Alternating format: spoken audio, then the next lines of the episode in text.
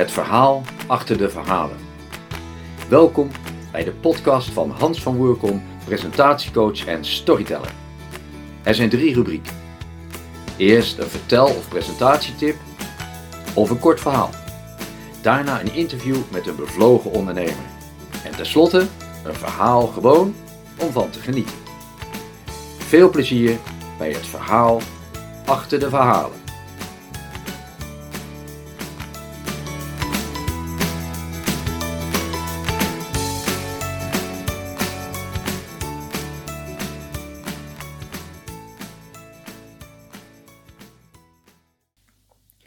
Japan. Rust. Harmonie. In een grote zaal zit een zenmeester. Met zijn leerlingen is hij aan het bloemschikken. Plotseling wordt de deur opengesmeten door een samurai-strijder. Hé jij! De zenmeester werkt rustig door. Hé, ben jij die zenmeester die vertelt over de poort van de hemel en de poort van de hel? Ja, en wie ben jij dan wel? Ik, ik ben de beroemdste en beste samurai-strijder van heel Japan. Jij? Je bent gewoon lelijk. Zenmeester, leer mij alles over de hemel en de hel. Nu! Jou iets leren? Je bent veel te dom, man. En vies, je stinkt. Wat? Eén slag en je kop is eraf. Met dat ding? Daarmee hak je nog geen komkommer door midden. Hoe durf je? De samurai grijpt zijn zwaard en houdt het boven zijn hoofd om de zenmeester te onthoofden. Dat, samurai, is de poort van de hel. En je ziet de samurai nadenken. En langzaam laat hij het zwaard zakken en doet hem weg. En dat, samurai, is de poort van de hemel. Vandaag heb ik het interview met Henny Abe van Purpose Works, als ik het goed uitspreek. Nou, welkom Henny. Hartstikke fijn dat je er bent. En uh, eerst een paar algemene vragen. Ben je er klaar voor? Ik ben er klaar voor. Nou, kijk, dat klinkt uh, helemaal goed. Uh, wat is jouw lievelingsboek? Het mag van een jeugdboek zijn of een volwassen boek, noemen hoe je dat wil noemen. Oeh, uh, wat is mijn lievelingsboek? Nou, ik zit hier voor mijn kast en ik denk, oh, ik vind er zoveel mooi. Ja, dat dacht ik. Uh, maar uh, ja, wat, wat ik met heel veel plezier niet zo heel lang heb gelezen, nou ja, eigenlijk opnieuw heb gelezen, is het, het boek van de Dalai Lama met Desmond Tutu. Oh. Ehm, en dat heet Joy. Um, en dat was dus ook een prachtig interview tussen twee 80-jarigen die, uh, die met elkaar in gesprek gaan over het leven. En ja, eigenlijk wat, wat ik zo inspirerend in dat boek vind, is dat het, ja, dat het gaat over, over vreugde en plezier. En, maar dat je ook die kinderlijke vreugde uh, daarin terugleest. Ah. En, uh, en heel erg uh, vanuit hun authenticiteit. Uh, en dat ze elkaar daarin ook uitdagen. Ehm, met, met vragen aan elkaar. Ze schrijven elkaar brieven al heel lang. En dan hebben ze pas op 80-jarige leeftijd een ontmoeting. Okay. Het zijn natuurlijk twee hele bijzondere mensen. Absoluut. En ja, ik heb, ben twee keer naar de Dalai Lama ook geweest. Gewoon wel in zo'n grote zaal hoor. Ja. Um, maar ja, hij heeft iets kinderlijks. En uh, dat spreekt me altijd wel aan. Oké, okay, nou, ik denk dat we hier een hele podcast over kunnen vullen. dat gaan we dan maar even niet doen, maar hartstikke leuk. Uh, en kun je een film noemen die je geweldig vindt? Of vond? Oeh, een film die ik geweldig vind, vond. Nou, uh, dat past eigenlijk wel bij deze grote, grote grootheden die ik net noem. Waar ik als kind heel erg door geraakt ben, was de film Gandhi. Oh, nou, dat is een van mijn favorieten. ja. Echt ja. geweldig, hè? Ik zie gelijk beelden. Heb jij ook gelijk beelden? Ja, precies. Ja, en omdat ik uh, nou ja, nu natuurlijk bezig ben met Purpose Leadership, uh, ja, komen ook deze vragen natuurlijk terug. Hè? Van wie zijn jouw helden en wat betekent moed voor je? Ja. Uh, en uh, ja, waardoor ben jij geraakt? En ja, dat, dat is wel een van de dingen wat mij als kind heeft geraakt. Hmm. Nou, ik, ik, kan het me helemaal voorstellen. Ehm, heb je een hobby? Heb ik een hobby? Ehm, nou ja, ik, ik reis heel graag. Ja, dat, ik hou heel erg van reizen, en van ontdekken. Ja. Ehm, ik hou ook heel erg van muziek en naar festivals gaan, dansen. Oh, ja, dingen die er nu eigenlijk allemaal niet kunnen op dit nee, moment. Jammer nee, is dat, hè? Het zijn zulke fijne dingen en ook zulke gezonde dingen, zou ik er gelijk bij zeggen. Nou goed, een, een, favoriete vakantiebestemming, wat is dat voor jou?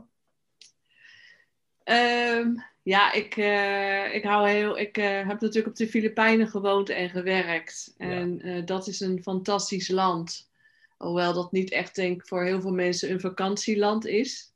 Ehm, en uh, ja, als het dichtbij, dichterbij is, dan is dat Griekenland. Oh ja, oh, Griekenland. En Sardinië natuurlijk. Ja, dat, dat vermoed ik. Daar kom ik dadelijk nog op terug. Um, en wat is nou een lievelingsgerecht van jou? Wat vind je nou echt? Uh, kunnen ze je s'nachts wel wakker maken? uh, oh jeetje.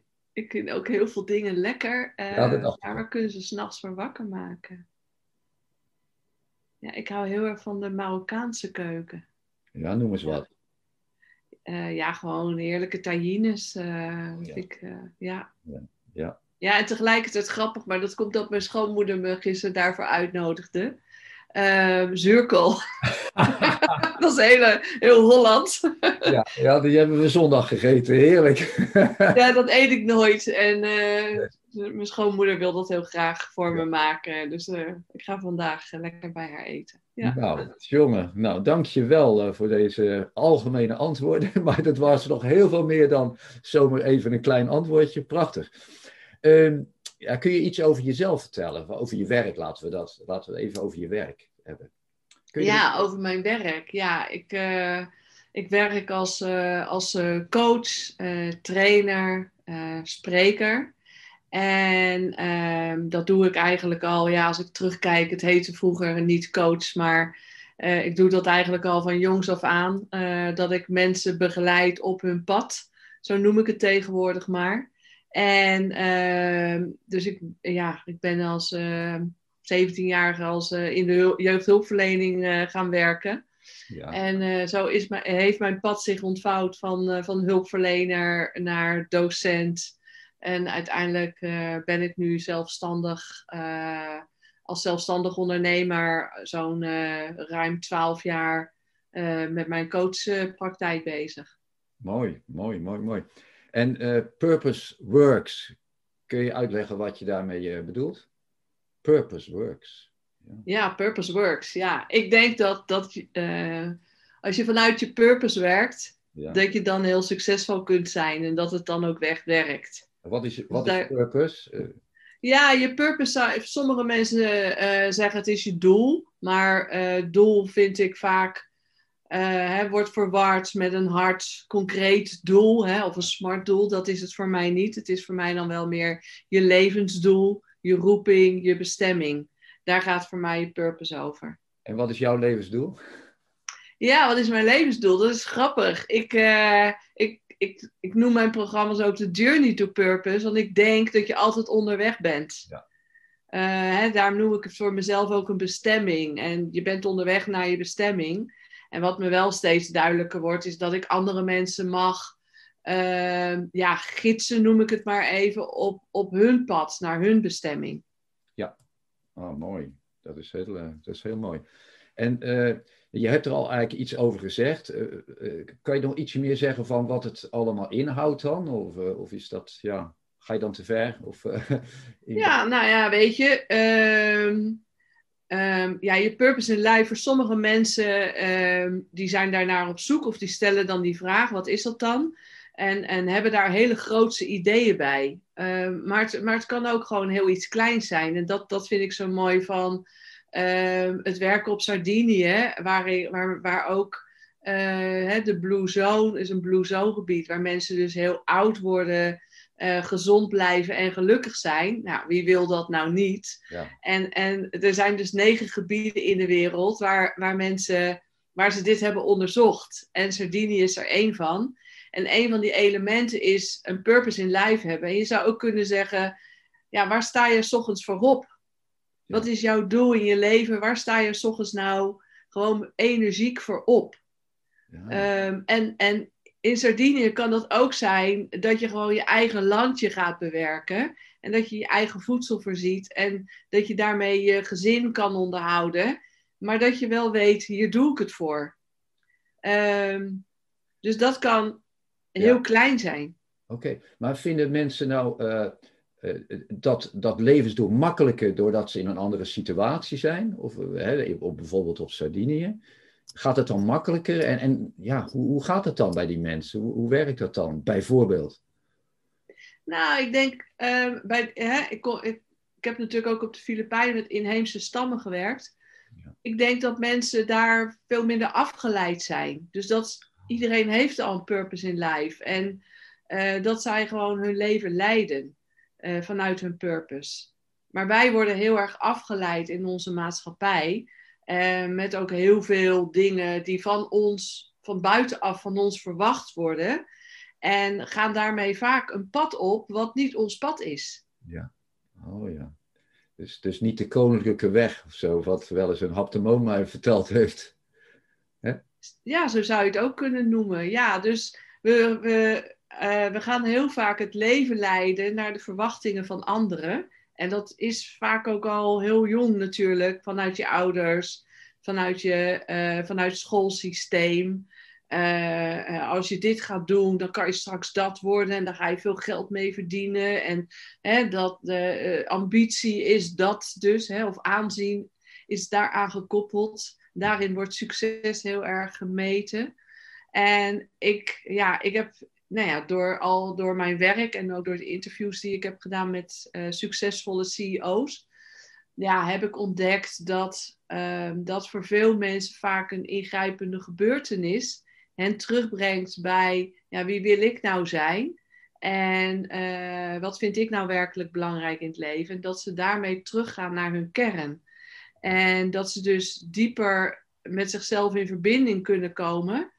Ehm, en, en daarmee ook dus met, uh, ja, waar, waarom ben ik nou hier en waar word ik nou gelukkig van? En wat is nou betekenisvol in mijn leven? Ehm, en als je van daaruit kan leven, kan je ook betekenisvol zijn voor een ander. Absoluut, absoluut. En, en hoe, hoe gaat dat dan bijvoorbeeld bij zo iemand? Kun je een voorbeeld geven dat je zegt van nou, hé, hey, ja, ineens is het duidelijk van dat is mijn purpose. Nou ja, ik heb uh, een aantal uh, mensen mogen interviewen. En um, um, één persoon die uh, was een, een, een, CEO van een heel grote onderneming.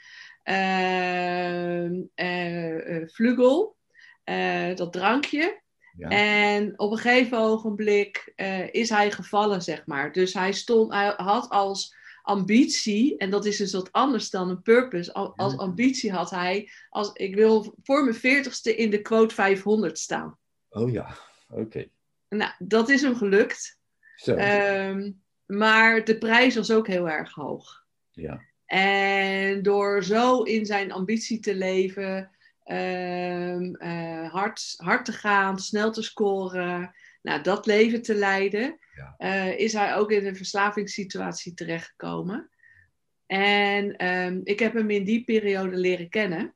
Um, en uiteindelijk, door helemaal die, die versla door, door dat dal te gaan, zeg maar, en door opnieuw naar zichzelf op zoek te gaan, um, heeft hij een nieuw, nieuw uh, ontdekt wat hij nu echt belangrijk vindt in het leven. En van daaruit is hij uh, uh, andere verslaafden gaan helpen. En met name succesvolle mensen die verslaafd zijn. Dat was in eerste ja. instantie zijn, zijn missie.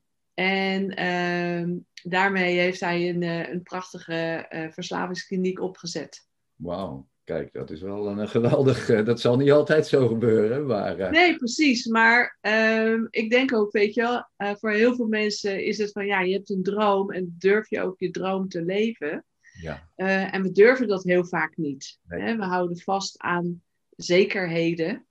En ik denk dat juist vaak door ingrijpende gebeurtenissen waarin toch dat allemaal wegvalt, dat het ook vaak ruimte geeft eh, om je pad te gaan lopen wat je wil lopen. Wat je eigenlijk diep van binnen al lang weet, Ja. maar niet durft. Nee, precies. Die stap nemen, hè, dat is toch wel een eh, dingetje. Ja, precies. Ja. ja, mooi, mooi, mooi. Ehm, nou, ja, en hoe, hoe ben je nou eigenlijk bij dit werk terechtgekomen? Want je, je doet van alles en nog wat, als ik het zo zie. Maar hoe, hoe, hoe, ben, je hier dan zo terechtgekomen? Je zei al een beetje van, nou, je, je bent eh, toen je 17 was, hè, zat je eigenlijk al in die hulpverlening. en ja, is dat nou heel soepel gegaan zo? Of, eh, Ehm, nee, niet echt. Ik denk eh, hè, dat je je purpose ook al bij je draagt. Dus ik, wat ik al zei, dat ik als jong kind al geraakt was door de film Gandhi. Ja. Ehm, dat ik al heel jong voelde dat, er, dat de wereld niet eerlijk is. Nee. En dat er onrecht is. En, en dat je daar dus voor op kan staan. Ehm, en daarin heb ik ook, eh, eh, nou eigenlijk al heel jong wilde ik eh, ehm, arme mensen helpen. Hè? Zo noemde ik dat dan als kind. ja. Ehm, heb ik, eh, dus dat was eigenlijk al wel heel jong dat ik dat voelde. Eh, maar ja, dan ga je naar school en dan kom je op een ander pad. Eh, maar ik ben uiteindelijk ook al heel jong op dat pad gesneuveld. Want ik was al heel jong schooluitvaller. Oh. En op de middelbare school viel ik al uit. Ehm, ook doordat ik eh, in, in ons gezin speelde er van alles. En eh, ja, eh, ging ik voor mijn ouders zorgen. Ehm, en daarmee was, was voor mij school helemaal niet zo belangrijk. Nee, snap ik. En daarmee ehm, eh, ja, ging ik al heel jong, was ik, was ik zelfstandig, deed ik dingen zelf. Nou, een schoolsysteem kan daar helemaal niet zo goed mee omgaan. Die willen dat jij doet wat zij vertellen. Ja. En bij mij was de wereld al andersom. Ja. Dus, eh, dus dat ging niet zo heel erg goed. ik weet nog heel goed dat ze een keer naar mijn ouders gingen, want ik zat eerst op VWO en toen ging ik naar de HAVO en toen kwam ik helemaal niet meer. En toen zei ze, nou, we gaan met je ouders praten. En het, het enige weet ik nog wat mijn moeder zei. Ja, moet het kind toch zelf weten?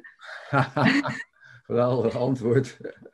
Maar ook omdat mijn ouders zijn ook niet, weet je, hebben ook geen opleiding gedaan. eh zijn ook al heel jong gaan werken. Dus hadden ook geen idee wat nou HAVO of MAVO of VWO is eh, of was. En eh, ja, konden mij daar ook niet in mentoren. Ehm, dus, ehm, dus ik had een, al een heel jong, een heel ander leven. Ja, Ehm, wat mij heeft geholpen waren, waren mensen in het sociaal-cultureel werk. Waar ik eh, al heel jong me prettig voelde. En waar ik al heel jong eh, clubjes leidde. En eh, nou ja, vrijwilligerswerk al eigenlijk deed. Ehm, en zij hebben mij gemotiveerd en geactiveerd om ja, terug naar school te gaan en mijn diploma te halen. En uiteindelijk ook te zeggen van, goh, ja, en als je dit werk nu leuk vindt, als je graag iets voor andere mensen wilt doen, is het toch wel handig als je wel een diploma haalt. Ja, En dat, was, dat werd mij toen uiteindelijk duidelijk waarom ik dat diploma wilde halen. ja, ja, precies. Hè? Dus als je, als je een betekenisvol doel hebt en voelt van oké, ik wil daar naartoe en daar heb ik dit of dat voor nodig, ja, dan motiveert het. Ja, Maar niet omdat de juf of meester zegt, nee, dit, dit moet je doen. Tenminste, voor mij werkte dat niet zo en nog steeds niet. Nee. Daarom ben ik denk ik ook zelfstandig ondernemer. ja, ja. Nee, maar zo werkt het wel natuurlijk. Hè? Dus als, als je echt vanuit jezelf denkt van dit wil ik, hier ga ik voor. Dan is het zoveel anders. Hè? Kijk, eh, ik heb ook voor de klas gestaan. Ik sta er af en toe nog wel eens. Dan zie je gewoon dat sommige kinderen, ja, die hebben er eigenlijk niet veel zin in.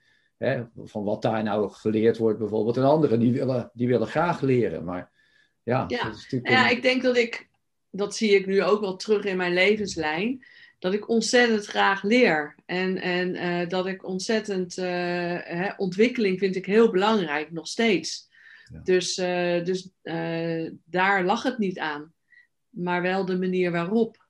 Ja. En als je voelt waarom je iets wil leren en waarom je wilt groeien, en ja, dan, dan wordt het leuk. En dan ga je het ook doen. Ehm, nou ja, dat, dat, uh, ik ben dus in de jeugdhulpverlening terechtgekomen en ook uiteindelijk in de, in de psychiatrie heb ik gewerkt. Maar daarin merkte ik ook al van, ja, weet je wel, het is veel belangrijker om mensen een perspectief te geven. Ja.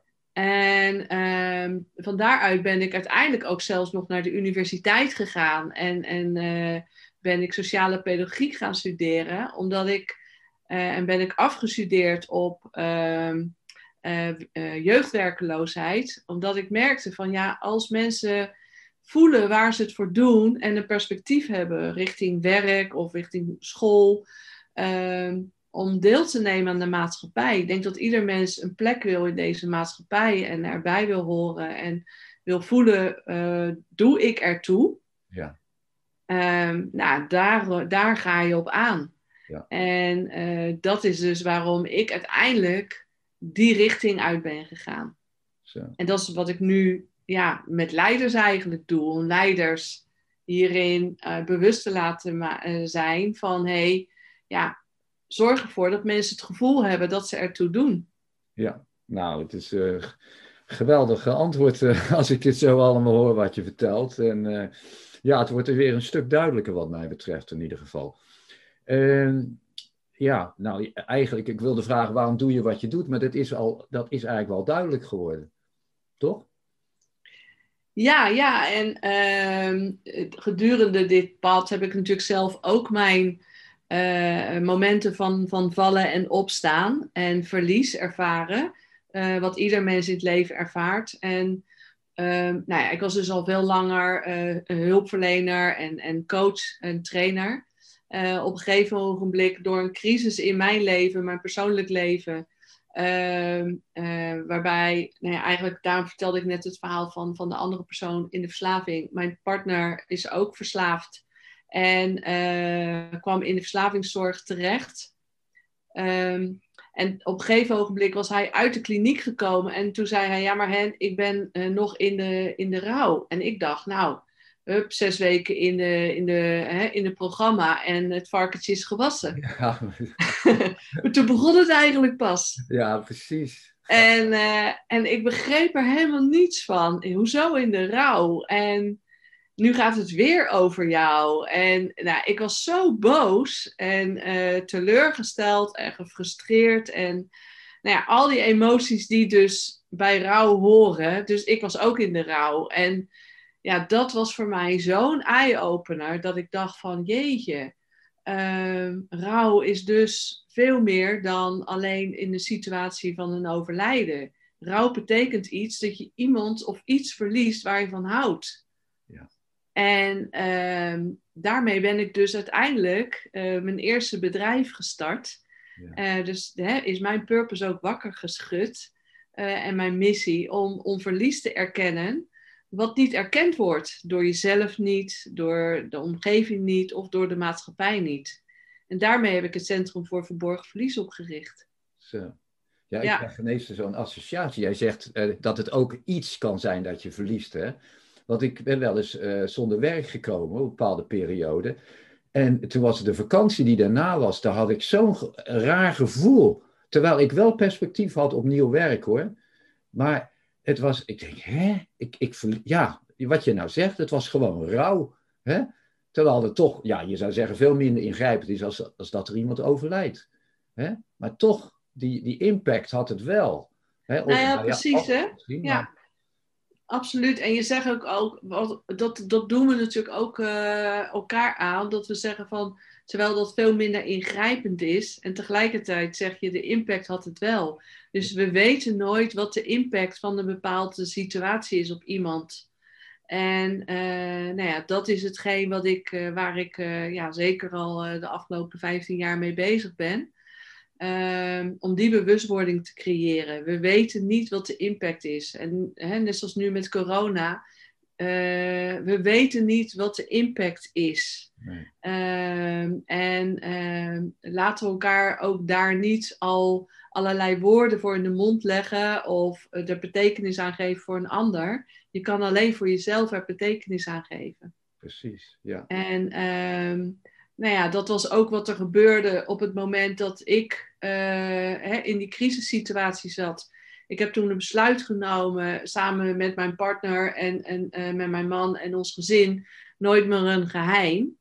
Omdat ik zelf uh, eigenlijk ja, het zo groot heb laten. Uh, de situatie zo geëscaleerd is. Omdat ik heel goed in staat was om het binnenshuis te houden. Ja. En uh, zelfs dat ik hè, al therapeut en hulpverlener was, uh, uh, speelde er bij ons dus wel een hele ingrijpende situatie thuis. Ja. Ehm, dus ik had het besluit genomen, nooit meer een geheim. Ehm, laten, we, laten we die olifant die in die kamer staat eens, eens aankijken en benoemen. Nou ja, en ik ging dat bespreken met mijn uh, directeur HR. Ik was toen HRM-adviseur, senior adviseur. En ik hield me bezig met uh, ontwikkeling in organisaties. En ook met burn-out en, en dergelijke. Nou, en mijn directeur zei: Ja, maar Hen, ik verwacht gewoon dat jij je professioneel opstelt. En dat jij dus je, je sores hier buiten laat. Nou, dat was voor mij zo'n koude douche. En ehm, dat was ook direct dat ik besloten heb: ik kan hier niet blijven. Nee. Want dit is precies waar het over gaat.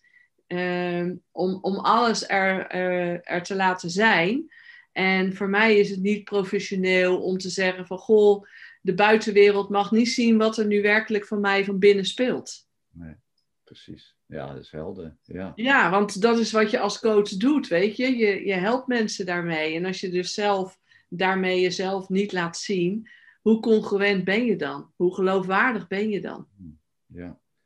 De, en en hoe, hoe ga je nou te werk met mensen die uh, dus komen voor rouwverwerking? Uh, hoe ga je dan gesprekken voeren? Of, um, nou, ik, ik heb verschillende tools in mijn rugzak inmiddels. Um, en natuurlijk, coaching is ook gesprekken voeren. Maar wat, wat ik heb gemerkt de afgelopen jaren, ik ben ook uh, gespecialiseerd in trauma's. En trauma's zitten in je lijf. Ja, ja. En wat ik vaak zie, is dat mensen een scheiding maken tussen hun hoofd en tussen hun lijf. Uh, hè, het niet voelen zorgt ervoor dat je heel erg uh, buiten jezelf kan blijven. En dus dit soort antwoorden kan geven, denk ik, zoals ooit mijn, mijn directeur. Ja, um, dus ik help mensen ook om werkelijk met zichzelf in contact te komen. En, en ook werkelijk met hun gevoel, hoe pijnlijk dat soms ook is. Hmm. En ook dus daarmee met blokkades die vaak al veel eerder in hun leven zijn ontstaan. En daarmee ook belemmerende overtuigingen. Ja. Um, en we hebben allemaal onze, onze strategie, onze copingstrategie, onze manieren van hoe wij ons kunnen aanpassen. En die zijn ontzettend krachtig en ontzettend goed. Maar soms hebben we uh, die strategieën niet meer nodig. Nee. Uh, ik had gisteren nog een intake met iemand, eigenlijk een heel jong iemand, uh, een studente. Maar haar strategie is, was nu al rationaliseren. Ja, ja, ja. Ja. Maar dat leren we natuurlijk op school. Dat leren we op school, ja. Erg. Ja, hè? Uh, als je maar kan beargumenteren en kan vertellen waarom iets is zoals het is. Ja. Uh, maar ja, eigenlijk had ze heel veel woede in zich en frustratie. En uh, ja, maar ze had als kind of, of hè, op middelbare school eigenlijk al geleerd van joh, dan ben je een vervelend kind als je dat uit, dan ben je een moeilijk kind. Ja. Um, en wat ik doe is mensen terugbrengen naar dit soort momenten. Ja. Um, en dit soort gevoelens, uh, dit soort uh, verankeringen in hun lijf. En ik heb daar een speciale methode voor, en dat heet PMA, Progressive Mental Alignment. Ja. En um, ja, wanneer je brein, zeg maar, uh, die maakt bepaalde paden. En je kan die paden dus ook ja, je kan van pad wisselen, net zoals dat je van levenspad kan uh, wisselen, ja. kan dat ook in ons brein. Okay. Uh, en dat is een van de methodes die ik vaak ook inzet bij rouw. Want ik hou me niet zozeer bezig met acute rouw. Hè, als een dierbare overlijdt. Heel veel mensen kunnen prima rouwen en kunnen, hè, het is pijnlijk, het is moeilijk, het is lastig, maar komen daar wel doorheen. Maar waar ik me mee bezig hou is, is vooral dat verborgen verlies. Dus het, het verstoppen van, van rouw. ehm, wat vaak zich opstapelt gedurende je leven en wat op een gegeven moment ja, eh, escaleert. En waardoor mensen vastlopen in hun leven en heel vaak het label burn-out of depressie daarop geplakt krijgen. Ja. Het is ook zo dat, dat we hebben het eigenlijk niet geleerd hè, om met rouw om te gaan. Nee. Want ik eh, in 19, nou ja, dat doet er niet toe, maar in ieder geval eh, al lang geleden, meer dan 40 jaar geleden, is mijn vader gestorven. En ja, ik heb het er helemaal niet zo over gehad met vrienden, met, met familie. Eh, ja, ja, ja, je ging weer verder. Hè? Gewoon, ik was met als leerkracht, ik was bezig, bezig, bezig. En eigenlijk pas negen jaar later, toen heb ik een flinke crisis ervaren. Door, ja, ja, ik kwam ineens naar boven. Dat was een Ja. van de dingen die naar boven kwam. Toch gek, hè? Negen jaar later. Ja, Dus- precies. En, en, en heel vaak is juist dan ook door het rationaliseren, eh, ehm, zijn we ons vaak niet bewust dat dat dus te maken heeft met die situatie van negen jaar geleden. Klopt. Ehm, dus wat werkelijk de trigger is en, eh, en waarop je vastloopt. Dus, ehm, dus dat is eh, mijn specialisme waar ik me eh, afgelopen jaren mee bezig heb gehouden. Ehm, en ja, Purpose Work is daarbij eh, mijn vervolgstap, omdat ja, één, één aspect is dus het inderdaad het opruimen, het, hè, het aangaan van het verlies en ehm, het rouwen, dat is het aangaan van het verlies. Maar daarmee ga je ook betekenis geven aan het verhaal. En ga je ook vaak een nieuw verhaal, hè, om even in jouw term ook te blijven, Ja. eh, om het verhaal achter het verhaal helder te krijgen. Je, gaat, je kan uiteindelijk een nieuw verhaal voor jezelf creëren. ja, wat bedoel je daarmee? Nou, ehm, ik had van de week bijvoorbeeld iemand die zei: ehm, Ja, door, doordat mijn moeder dit of dat altijd heb gedaan, ben ik zus en zo. Ja. Daar kan je natuurlijk aan vasthouden. Ah ja, ik snap. Ja. Maar je kan ook op een gegeven moment afscheid nemen, ook van je verhaal. Ja. En een nieuw verhaal creëren. Ja. Betekenis geven aan, er zijn meer dingen in je leven gebeurd dan alleen ooit jouw moeder die iets heeft gedaan of gezegd. Daar hangt niet jouw hele identiteit aan vast. Precies. Dus ga op zoek naar wie jij bent en wie je wil zijn en waar je betekenis aan wil geven. Dus En dat stuk is wel een onderdeel van je verhaal, maar het is niet het hele verhaal. Oké. Eh, Is het zo dat je als het ware het verleden kan veranderen? Of, of de, Ja. in ieder geval je houding ten opzichte? Nou ja, in ieder geval je houding ten opzichte van dat verhaal. Ja. Ja, en het is ook mooi, want ik had gisteren een- weer een, een sessie met haar. En toen zei ze van, goh Hen, hoe fijn is het? Want nu ik bezig ben met dat, met dat betekenis geven aan dat verhaal, nu kan ik ook, nu kan ik pas echt compassie voelen voor mijn moeder. Oh, mooi. Kijk, dan, eh, ja, en dan kan ik gelijk begrijpen waarom jij dit werk zo fijn vindt. Toch? Als je zo'n ervaring hebt. Ja, ja, precies. Ja, precies. Ja. Dus, ehm, en ja, da- dan, ik zeg, mensen zeggen wel eens van hen, ja, eh, hoe kan je zo met verlies en, en rouw bezig zijn? Maar ik zeg, ja, ik ben dus met ontwikkeling en groei bezig. Ja, precies. Het is, ja. Eh, maar wel vanuit een, een, een diepere laag, dat wel. En, en, en ook dus daarmee eh, eh, vanuit pijn, wat er soms ook is, om dat mee te nemen. ja. En, en kun je dat ook weer makkelijk van je afzetten? Of, of zeg je van, ja, ik, ik ben, ben er soms zo emotioneel bij betrokken? Of hoe heb je dat? Nou ja, natuurlijk raken verhalen mij ook, omdat het ook raakt aan, aan wie ik als mens ben. Ehm, en dat heb ik ook geleerd om dat ook te durven laten zien. En dus niet ooit wat mijn leidinggevende of ook wel eh, docenten heb ik gezegd, dan moet je je professioneel opstellen. Eh, nee, ik, ik ben heel dicht bij, eh, bij de mensen waar ik mee werk. Ja. En dus raakt het mij ook. Ik kan het ook fysiek in mijn lijf voelen.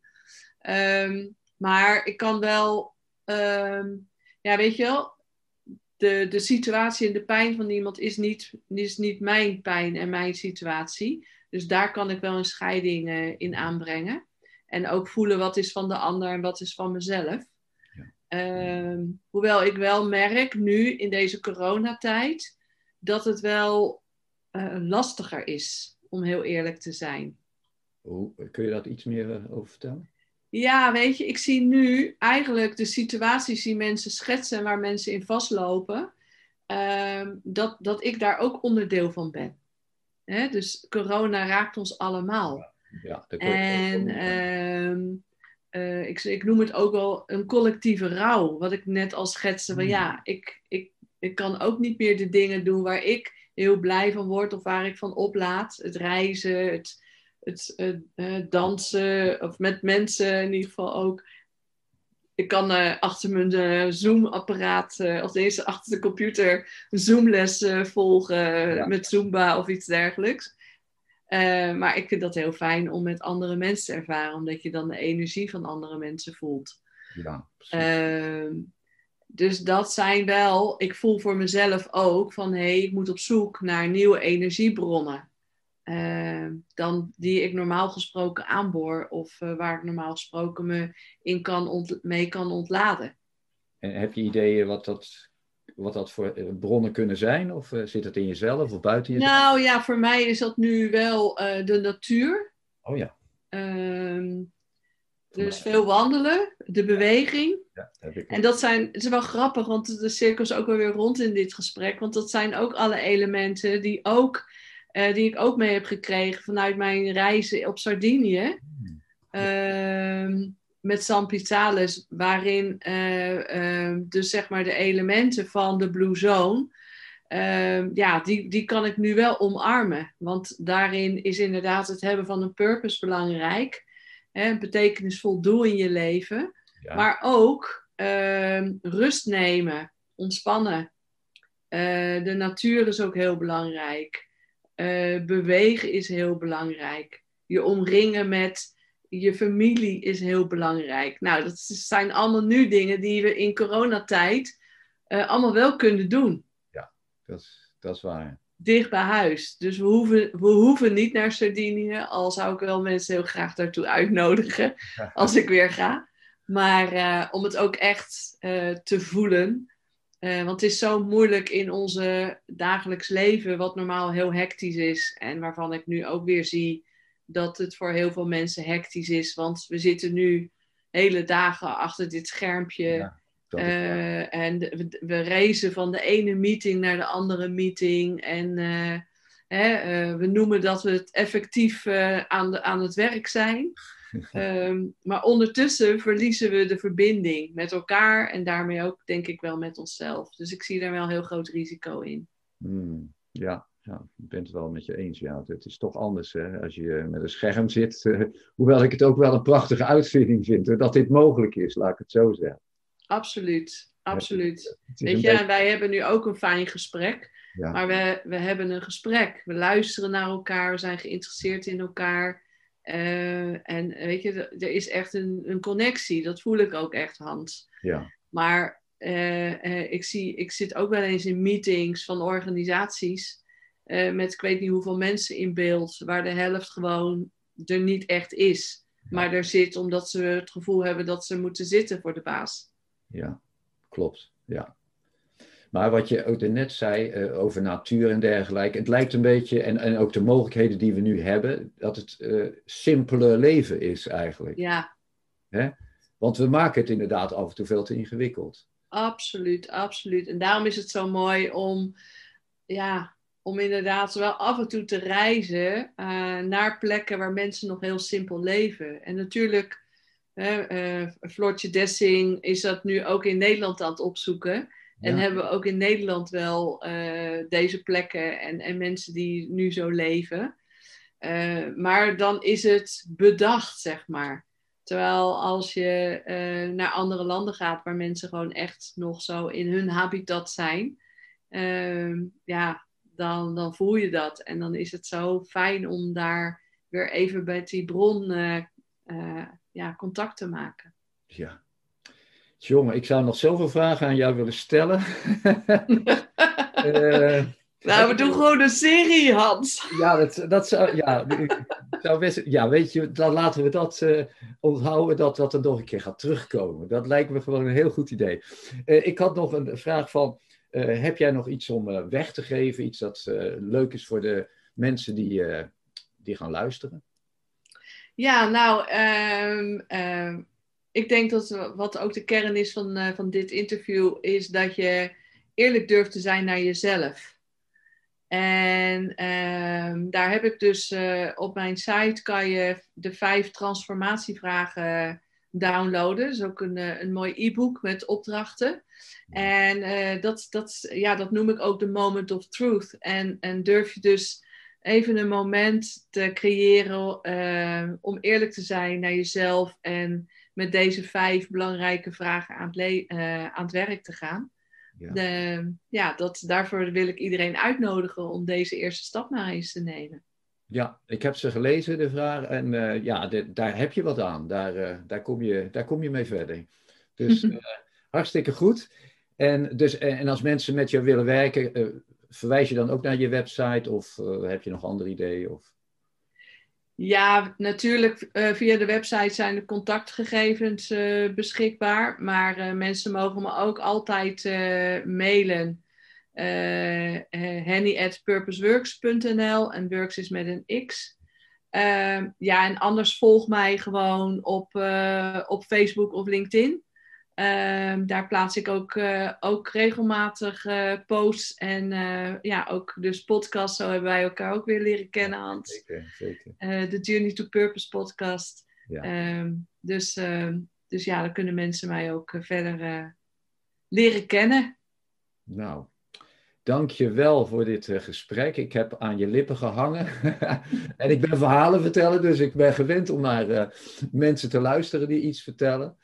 Dus uh, ja, ik, ik, vond het een heel mooi en waardevol gesprek. Dus ik uh, ben benieuwd uh, wat de luisteraars ervan gaan vinden. Maar in ieder geval zeer bedankt en nou, alle goeds, Henny. Dankjewel Hans voor dit fijne gesprek. En nou ja, ik hoop dat, dat je meer mooie mensen mag interviewen. En het verhaal achter het verhaal uh, mag ontrafelen. Uh, ik heb in ieder geval heel erg op mijn gemak gevoeld. En uh, ja, ook zeker heel fijn om verhaal te vertellen. En nou, ik ben benieuwd naar, naar de podcast straks uiteindelijk. Oké, nou, alle goeds.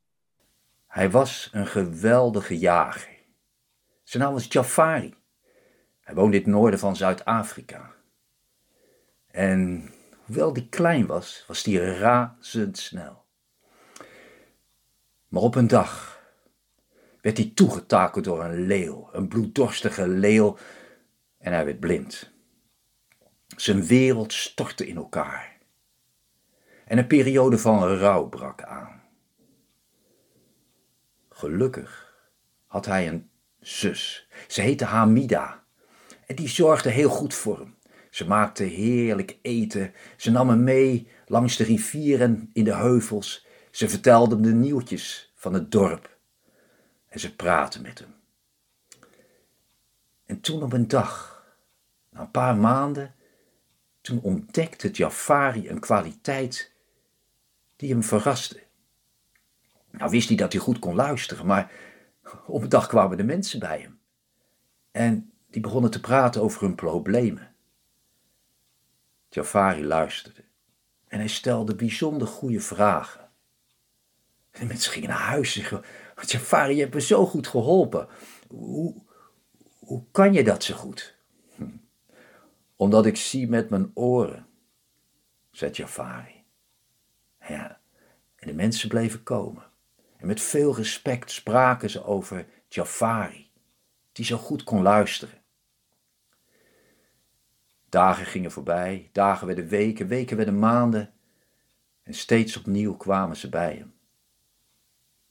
Op een dag werd zijn zus Hamida verliefd op een jager. Een geweldige jager, maar niet klein, nee, groot en sterk. Hij kwam van een ander dorp. Hij heette Mongo, een geweldige jager. En hij werd al gauw heel populair in het dorp, want hij nam voedsel mee vlees. En dan zeiden de mensen van Mongo, Mongo, Mongo. Ja, hij was heel populair. Maar niet in de hut waar ook Jafari sliep. Nee, want Jafari merkte dat Mongo helemaal niet aardig tegen hem deed. Jij, wat hebben we nou aan jou? Wat heb je aan een mens zonder ogen in zijn hoofd? Jafari liet zich niet uit het veld slaan. Hey, Mongo, wanneer mag ik nou eens een keer mee op jacht? Jij, een blinde. Jafari bleef het vragen, elke dag opnieuw, en steeds weer werd hij afgewezen. Tot die keer dat hij zelf, die Mongo zelf, terugkwam met een geweldig stuk vlees, zou je kunnen zeggen. Hij had een, uh, een, een, een gazelle meegenomen. En, Hamida had het heerlijk klaargemaakt. En hij was helemaal op zijn gemak, hij had wat bier erbij. En Mongo, ah, het leven was geweldig. En toen kwam Jafari. Hé, hey, uh, Mongo, uh, mag ik morgen mee op jacht? Oh, jij geeft ook nooit op, hè? Nou, vooruit er maar, omdat je zus zo lekker kan koken. De volgende ochtend is Jafari vroeg wakker.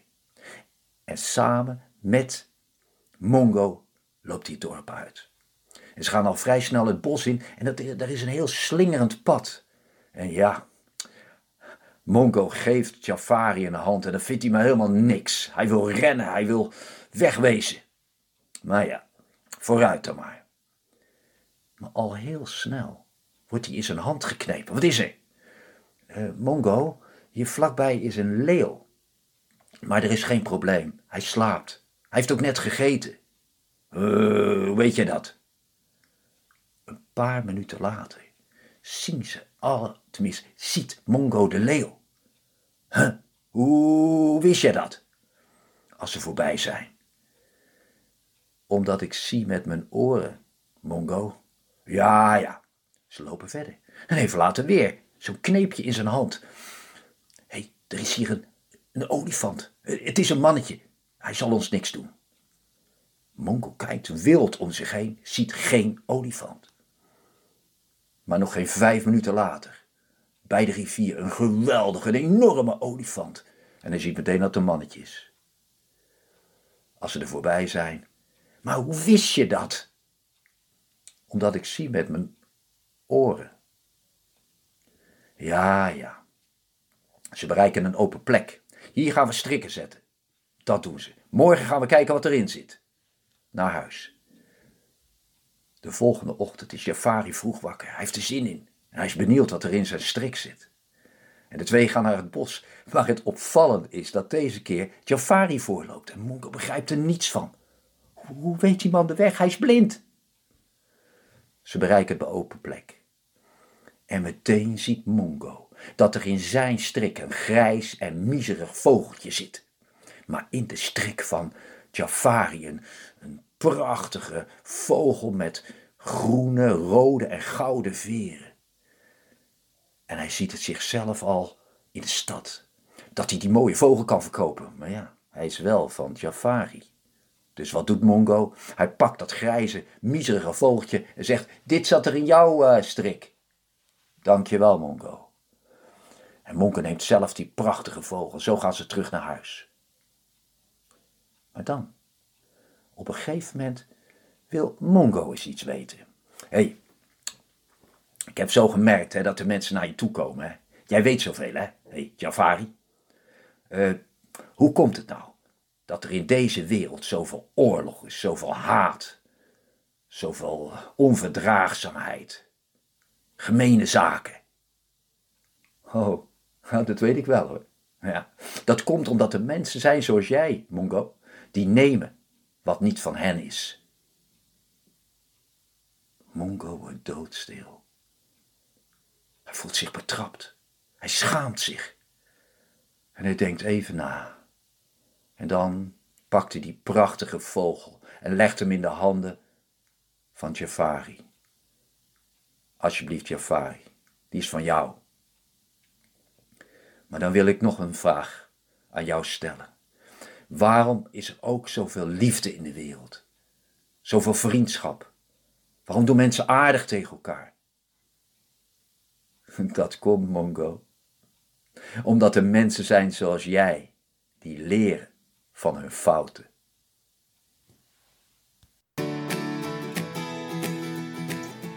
Bedankt voor het luisteren en tot de volgende keer.